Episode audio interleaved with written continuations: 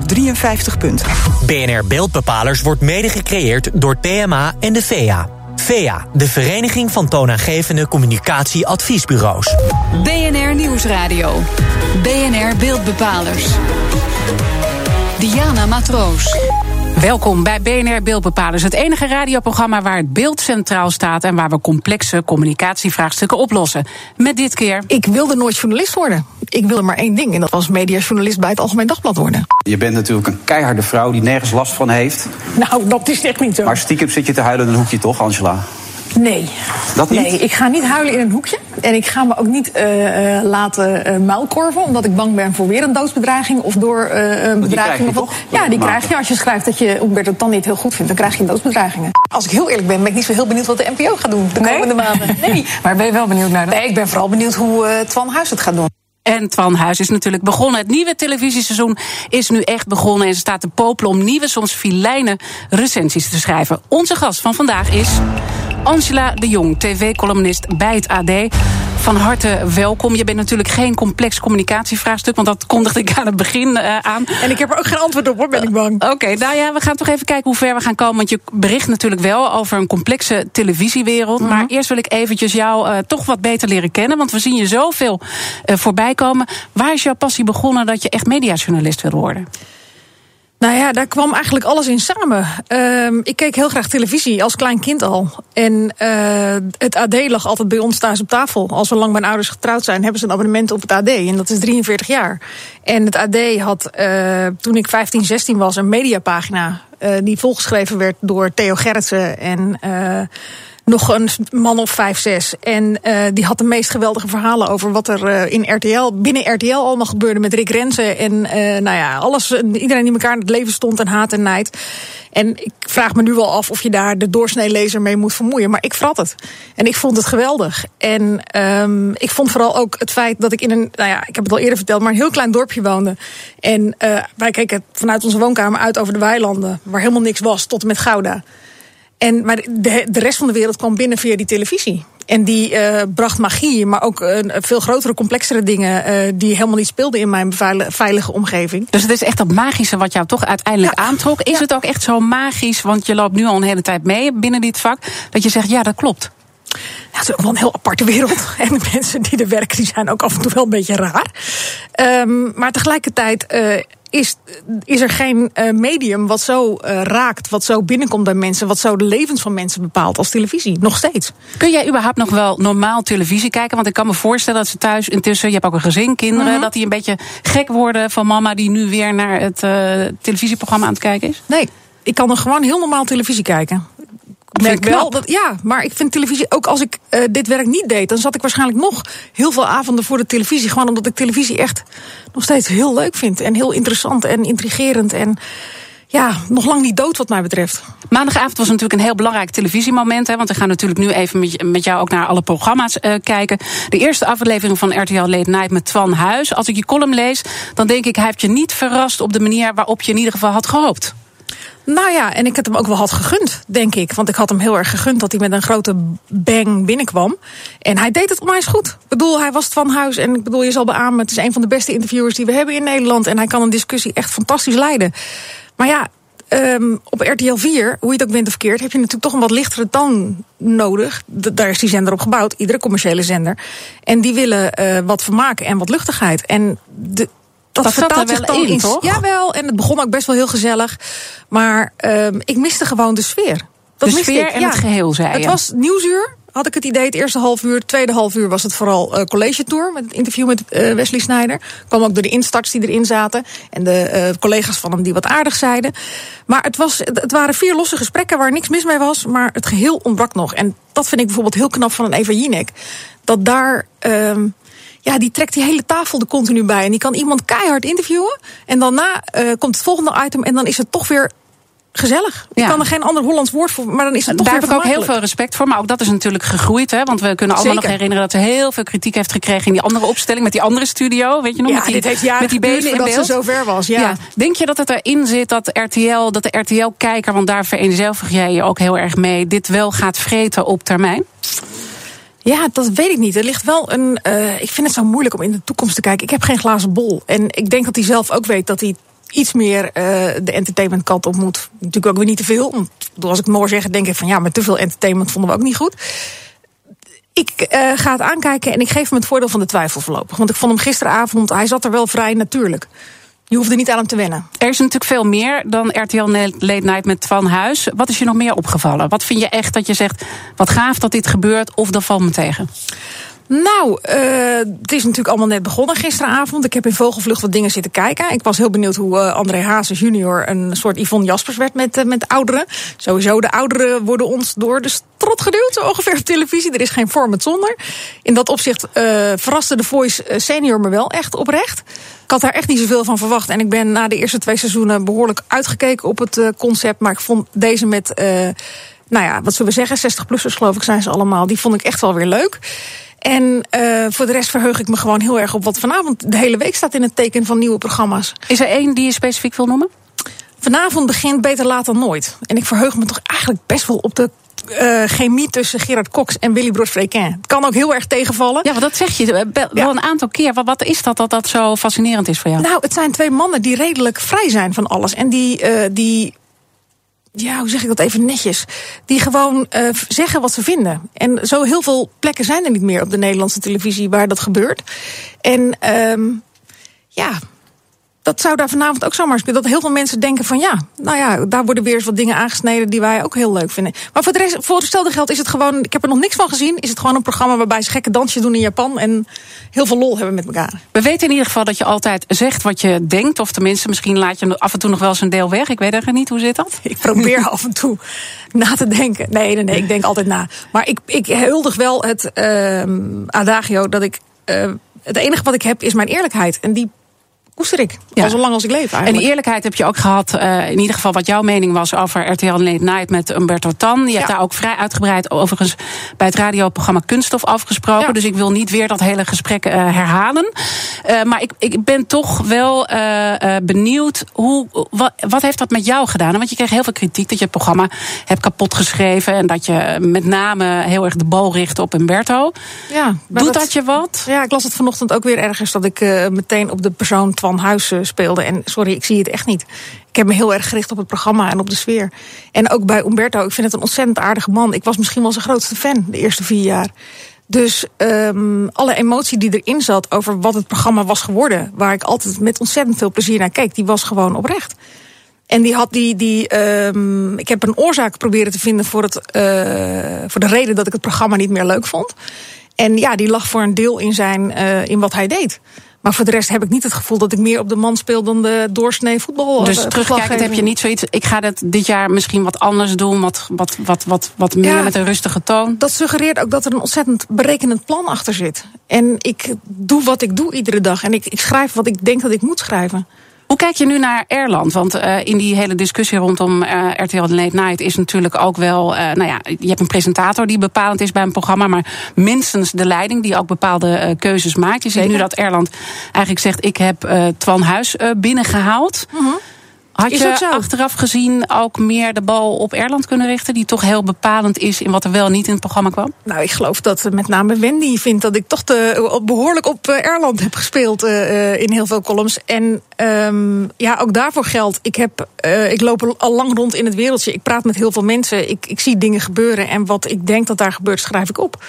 En dat hoort gewoon ook een beetje bij het risico van het vak. Nou ja, weet je, ik vind het in die zin echt wel gek dat we het heel gewoon vinden dat, dat uh, bepaalde politiek commentatoren weken kunnen roepen dat bepaalde winstlieden moeten aftreden. Uh, dat voetbalcommentatoren. Uh, weken kunnen schrijven over de trainer van Ajax die er werkelijk niks van bakt. Maar als er dan één vrouw is die op dezelfde manier televisie uh, volgt. Wat echt een hele grote business is en die volgens mij het verdient om heel serieus genomen te worden.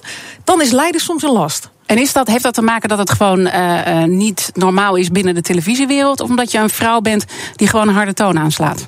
Nou, het zal um, een deel van uh, een combinatie zijn van van alles, denk ik. Maar het, het heeft ook te maken met de lange tenen. En het feit dat het best lastig is om kritiek te incasseren in de televisiewereld, waar je toch heel veel vaak ziet dat de grote sterren uh, mensen om zich heen hebben die uh, vooral het talent koesteren en uh, naar de mond praten. En je staat achter wat je zegt, maar je krijgt wel ook kritiek heel erg naar jou gericht. Ja. Hè? Ik bedoel, je hebt doodsbedreigingen gekregen. Ja, dat nou is, ja, laten we dat Je nuanceert dat ja. een beetje, maar je bent wel iemand ook die eerder heeft aangegeven: ik wil wel aardig gevonden worden. nou ja, dat word je, hè, want je, je bent uitgesproken. Dus ik zei al bij de aankondiging: lovers en haters. Doet dat iets met jou? Nou, ja, het, het, leert mij heel veel over hoe media werkt. Ik heb bijvoorbeeld met heel veel uh, bewondering zitten kijken hoe Nadia het gedaan heeft afgelopen weken bij Laat op 1. En uh, hoe die dan onmiddellijk omarmd wordt, ook door de kijker. En uh, tegelijkertijd verbaas ik me dan ook alweer over hoe andere vrouwen enorm heftige reacties oproepen op televisie. Maar niet alleen vrouwen, maar ook mannen. En ik vind het altijd zo, zo, zo makkelijk om die man-vrouw uh, kaart te, te trekken. Ik uh, zeg altijd tegen mezelf, als ik, want er zijn best wel momenten dat ik denk van jeetje, de hele wereld is tegen me. Dat is dan gelukkig niet zo. Dan komen er altijd weer hele lieve mailtjes van een hele hoop lezers. Ik ben geen grijze muis. En daar ben ik heel blij om. En dat vind ik ook zelf om naar te kijken en om naar te luisteren en om met, met mensen om te gaan die grijze muizen zijn, hou ik niet zo van. Dus mag ik dan zeggen dat je wel wat doet, maar dat je wel gewoon doorgaat op de voet uh, die, uh, nou ja, op de weg die je ooit bent ingeslagen? Ja, zeggen want ik je kan het niet op een andere manier. En ook als je bij Boulevard dus nu vaker achter de desk staat. In ieder geval, dat is vorig seizoen gebeurd. Ik weet niet Eén of keer dat... gebeurd. Ja, Boulevard ja. wil het heel Betaald. graag dat ik het vaker doe. Betaald. Ja, oh, dat is ook echt schande, jongens. Ja. Dat ik, betaald, ik word ook betaald voor televisie kijken. Dat is ook echt uh, schandalig. Mag je best een brief versturen naar mijn hoofdredacteur. Ja, het lijkt me heel logisch dat ik betaald word voor mijn werk. En ik geloof niet dat ik nou heel vlijend ben over RTL Boulevard doorgaans. En dat zal je ook niet blijven doen? Als ze beter worden dan dat ze nu zijn, dan uh, krijgen ze van mij een pluim. Maar voorlopig denk ik, ik mis Albert Verlinde nog steeds heel erg. RTL is NPO Light en SBS het nieuwe RTL. Dat vindt althans Angela de Jong. Maar is het volgens haar ook genoeg om tegen YouTube en Netflix op te boksen? BNR Nieuwsradio. BNR Beeldbepalers. Welkom terug bij BNR Beeldbepalers. Dit keer hebben we het over het nieuwe televisieseizoen en of het overtuigend genoeg is om een tegenwicht te bieden tegen grote spelers zoals Netflix. En dat bespreken met onze gast Angela de Jong. Zij is AD-TV-columnist en er zijn natuurlijk veel veranderingen in televisieland uh, gaande. We hebben net al een paar dingen uh, besproken, maar als we even overal kijken naar de sector, bezuinigingen, transfers, nieuwe zenders, is dit televisieseizoen wezenlijk anders dan andere seizoenen? Is het opmerkelijk wat er nu gebeurt? Nou, ik heb het idee dat het een beetje stilte voor de storm is zelf. Uh, ik ben heel benieuwd wat uh, nou echt de lijn van RTL wordt. Ik bedoel, die hebben natuurlijk pas een, een ontzettend wazig persbericht naar buiten gebracht dat ze fancentric gingen werken. Nou ja, Marianne Zwageman is er volgens mij helemaal op losgegaan hier ook. Dat, daar was geen touw aan vast te knopen voor een normaal iemand. Ik ben heel benieuwd wat uh, John de Mol gaat doen met SBS. En uh, hoe die de uh, programmering daar echt gaat neerzetten. Of het een succes gaat worden. En ik ben toch ook benieuwd hoe het straks bij de publieke omroep gaat. Of ze nou echt die 60 miljoen er weer bij krijgen. Of dat daar toch ook langzamerhand het besef een beetje indaalt. Wat ik in de krantenwereld, waar ik natuurlijk vandaan kom, heel erg om me heen zie. Ja, jongens, het, wordt al, het mediagebruik van de mensen is anders. De advertentieinkomsten gaan structureel omlaag. Of althans, die gaan structureel naar andere partijen. Ja, daar moet je op inspelen. En, vol, in en als je dan naar die bezuinigingen kijkt, hè, waar natuurlijk heel veel discussie over mm -hmm. is, hoe kijk je daarnaar? Vind je dat terecht dat dat gebeurt? Of ben je er kritisch op? Nou ja, dit is het gevolg van dalende advertentieinkomsten bij de NPO. En het ziet er niet naar uit dat die op korte termijn enorm omhoog gaan. En ja, je kan je hand blijven ophouden uh, totdat je een ons weegt. Het ene jaar 60 miljoen, tweede jaar 90 miljoen, derde jaar 120 miljoen. Maar op een gegeven moment is de goodwill in de samenleving natuurlijk ook op. En uh, denk ik dat het echt nog wel een stuk efficiënter kan bij de publieke omroep. En zou ik het enorm te prijzen vinden in ze, want ik hoop dat ze nog heel lang blijven bestaan. Maar dat ze daar zelf ook eens naar willen kijken. Je noemde ook uh, natuurlijk de, de nieuwe zender van John de Mol, ja. hè, waar een aantal stappen al in zijn genomen. Hij heeft natuurlijk al vaker een avontuur gehad uh, met een Ja. zender, hè, weten we allemaal Ja. uit het verleden. Uh, Het is een beetje koffiedik kijken, maar aan de andere kant, je hebt het ook heel lang al gevolgd. Denk jij dat, dat het hem gaat lukken dit keer? Ik weet het niet. Ik merk bij mezelf dat ik het hem heel erg gun. Omdat het eh, zijn grote droom is. En ik bedoel, het is denk ik de belangrijkste televisiemaker toch wel die we, die we hebben gehad eh, en hebben in Nederland. En ehm, het enige is, sommige dingen vind ik heel slim van hem en sommige dingen snap ik dan weer niet. Wat dan? Nou, dat hij ehm, het v, eh, de heren van VI naar Veronica haalt. En Veronica optuigt met heel veel voetbal. En die ook de mazzel heeft dat er bepaalde partijen natuurlijk doorgaan. Ja, dat vind ik heel slim en dat snap ik heel goed. Als hij dan weer Gordon een vijfjarig contract geeft, waarvan ik denk van ja, als er nou toch iemand uh, op een niet heel erg gelukkig punt in zijn carrière zit, denk ik, dan is het Gordon wel. En ik heb zelf het idee dat ik een beetje op hem uitgekeken ben als televisiekijker. Maar ja, weet je, aan de andere kant is ook een kat met negen levens ongeveer. Als hij weer met een onwijs leuk format komt, dan sluit ook half Nederland hem weer in de armen. Maar dat zijn dingen die ik soms niet helemaal met elkaar kan rijmen. En uh, wat ik ook niet snap is dat als je nu ziet dat RTL het de afgelopen, uh, nou, laten we even voor het gemak het afgelopen jaar niet heel erg handig deed en niet heel erg goed deed met uh, de sterren en de formats die maar op elkaar leken. En je gaat dat nu allemaal naar SBS verplaatsen dan zie ik dat nou niet 1, 2, 3 meteen weer een enorm succes worden. Dus is eigenlijk dan de kritiek die daaronder ligt: het wordt te veel RTL en hij moet eigenlijk iets nieuws neerzetten? Ja, dat. Uh, dat zou ik hem adviseren. Voor zover ik de grote John de Mol kan adviseren. Want ik bedoel, uh, het vind ik ook tamelijk aanmatigend. En hij weet er honderd keer meer van dan ik van televisie maken. Maar ik weet weer uh, wat ik als kijker vind. En uh, daarvan denk ik van probeer te leren van wat er een succes is. En volgens mij is RTL, maar nogmaals, daar is ook niet heel erg veel informatie over naar buiten gekomen tot nu toe. Maar RTL is wel bezig om te kijken wat scoorde het afgelopen jaar. Nou ja, dat waren de programma's van Boven Dorens bijvoorbeeld. Die Amsterdam Project en uh, Bo Five Days Inside. Dat is amusement, maar wel met een duidelijk actueel uh, thema. Wat ook echt authentiek overkomt en wat raakt. Dus heb je pak daarop door. Dat is eigenlijk. Dat zou ik zeggen. Uh, volgens mij gaat RTL ja. daarop inzetten. Met nou ja, de mensen die ze ook hebben aangetrokken. Wat meer journalistieker, wat meer uh, maatschappijkritisch. Nou ja, volgens mij is daar de tijd redelijk rijp voor.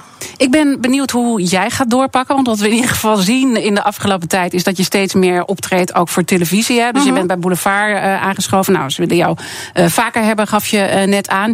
Je bent steeds vaker bij televisieprogramma's te zien. Hoe ga jij zorgen, als je kijkt hoe kritisch je ook over andere Mhm. uh-huh. bericht en over BN'ers bericht, hoe ga jij zorgen dat je geloofwaardig blijft? Nou ja, door gewoon eerlijk te blijven. En uh, dat is het enige uh, wat ik heb. En ik, als mensen vinden dat het niet kan, waarvoor ik voor een deel wel begrijp waar dat vandaan komt, dan zeg ik altijd: ja, toon mij de column waarin ik uh, heb iets heb geschreven. Waarin ik mijn positie veilig stelde om maar bij Eva Jinek aan tafel te zitten of maar bij Wilfred Gené aan te kunnen schuiven bij VE Oranje. Ik bedoel, sterker nog, twee dagen voordat ik daar zat, het was al een maand bekend, heb ik nog geschreven dat ik het echt belachelijk vond dat RTL dit programma doorzette, want het sloeg echt nergens op. Nou, uiteindelijk waren de kijkcijfers best wel goed. Dus zo dom was RTL nou ook weer niet. Maar ik bedoel, het was wel weer een podium waar de zender continu afgezeken werd. En dat ik denk van ja, weet je, moet je dat nou willen? Op die manier jezelf positioneren? Ja, weet je, dat is het enige wat ik heb. En voor de rest denk ik, lees mijn column en, en beoordeel zelf. Op de inhoud. En reken me af op de inhoud. En niet op het feit dat ik dan wel eens op televisie maar zit. stel nou dat je dus wel iets goed vindt, uh, waar je zelf ook hebt aangeschoven, dan kan ik me voorstellen dat de lezer zoiets heeft. Ja, ja, nu zit ze bij Boulevard en wordt ze betaald. Dat is natuurlijk wel het gevaar. Ook al is het vanuit jou oprecht, hè? Want ja. daarin ga ik met je mee. Dat, is, uh, uh, dat zou kunnen. En dan denk ik dat er een groep is die mij het voordeel van de twijfel geeft. En een groep is die altijd iets te zeuren zal hebben. En er zit ook een hele hoop. Want het grappige is dat dit soort vragen altijd komen van collega's.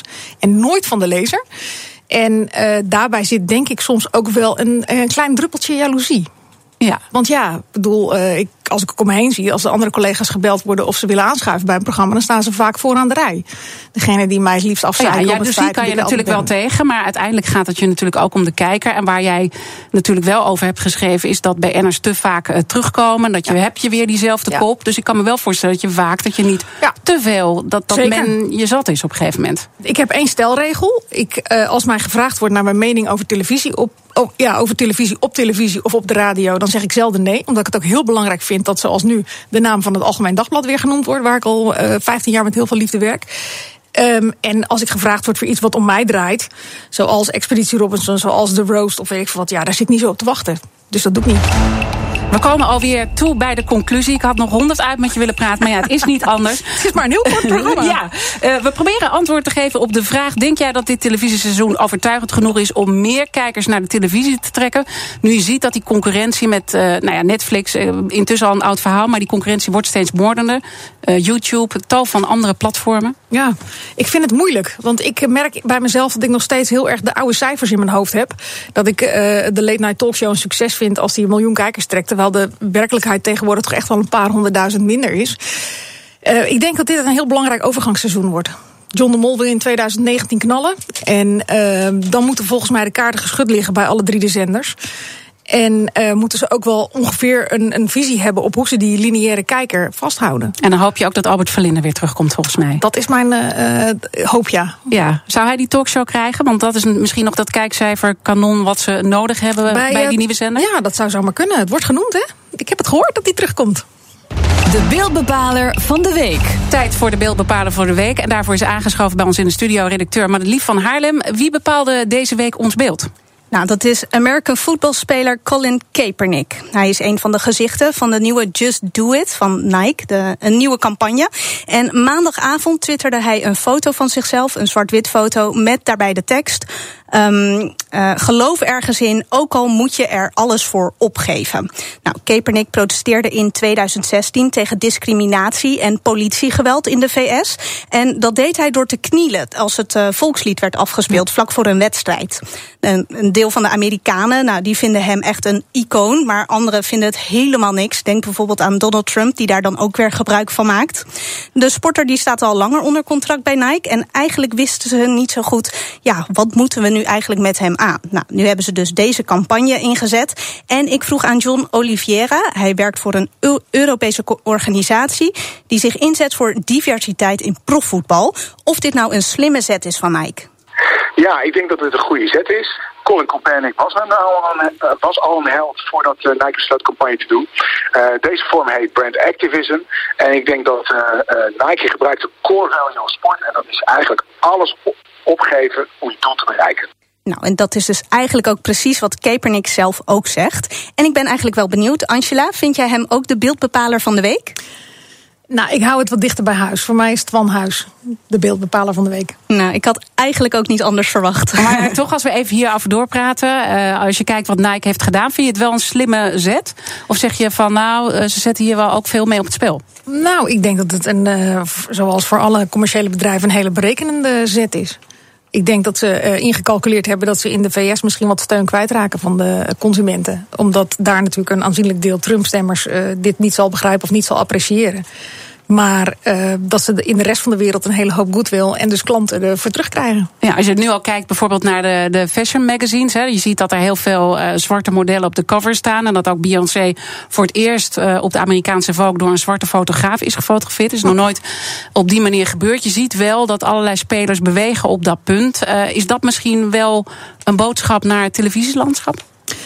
Nou ja, er zijn heel weinig presentatoren van kleur. En uh, ik heb er niet heel erg onderzoek naar gedaan, maar ik heb altijd het idee wel gehad dat RTL daar behoorlijk in voorop liep. Met een John Williams, die toch een enorm kijkcijferkanon is, en uh, Umberto Tan, die dat belangrijke podium kreeg. En ik denk dat het uh, voor uh, de achterban heel belangrijk is dat ze weer zo'n boegbeeld krijgen, ook hier in Nederland. Dat het best wel iets diverser kan. En daarbij bedoel ik niet alleen uh, meer donkere mensen, maar ook gewoon meer vrouwen en alle andere subculturen die we hebben. Goed, we gaan het blijven volgen met jou. Leuk als je nog een keer te gast bent. En natuurlijk dank aan Madelief van Haarlem en natuurlijk dank aan mijn gast Angela de Jong, tv-columnist bij het AD. En dit was alweer BNR Beeldbepalers. Terugluisteren kan via de site, de app, iTunes of Spotify. Mijn naam is Diana Tot volgende week. BNR Beeldbepalers wordt mede gecreëerd door de VEA en PMA. PMA, platform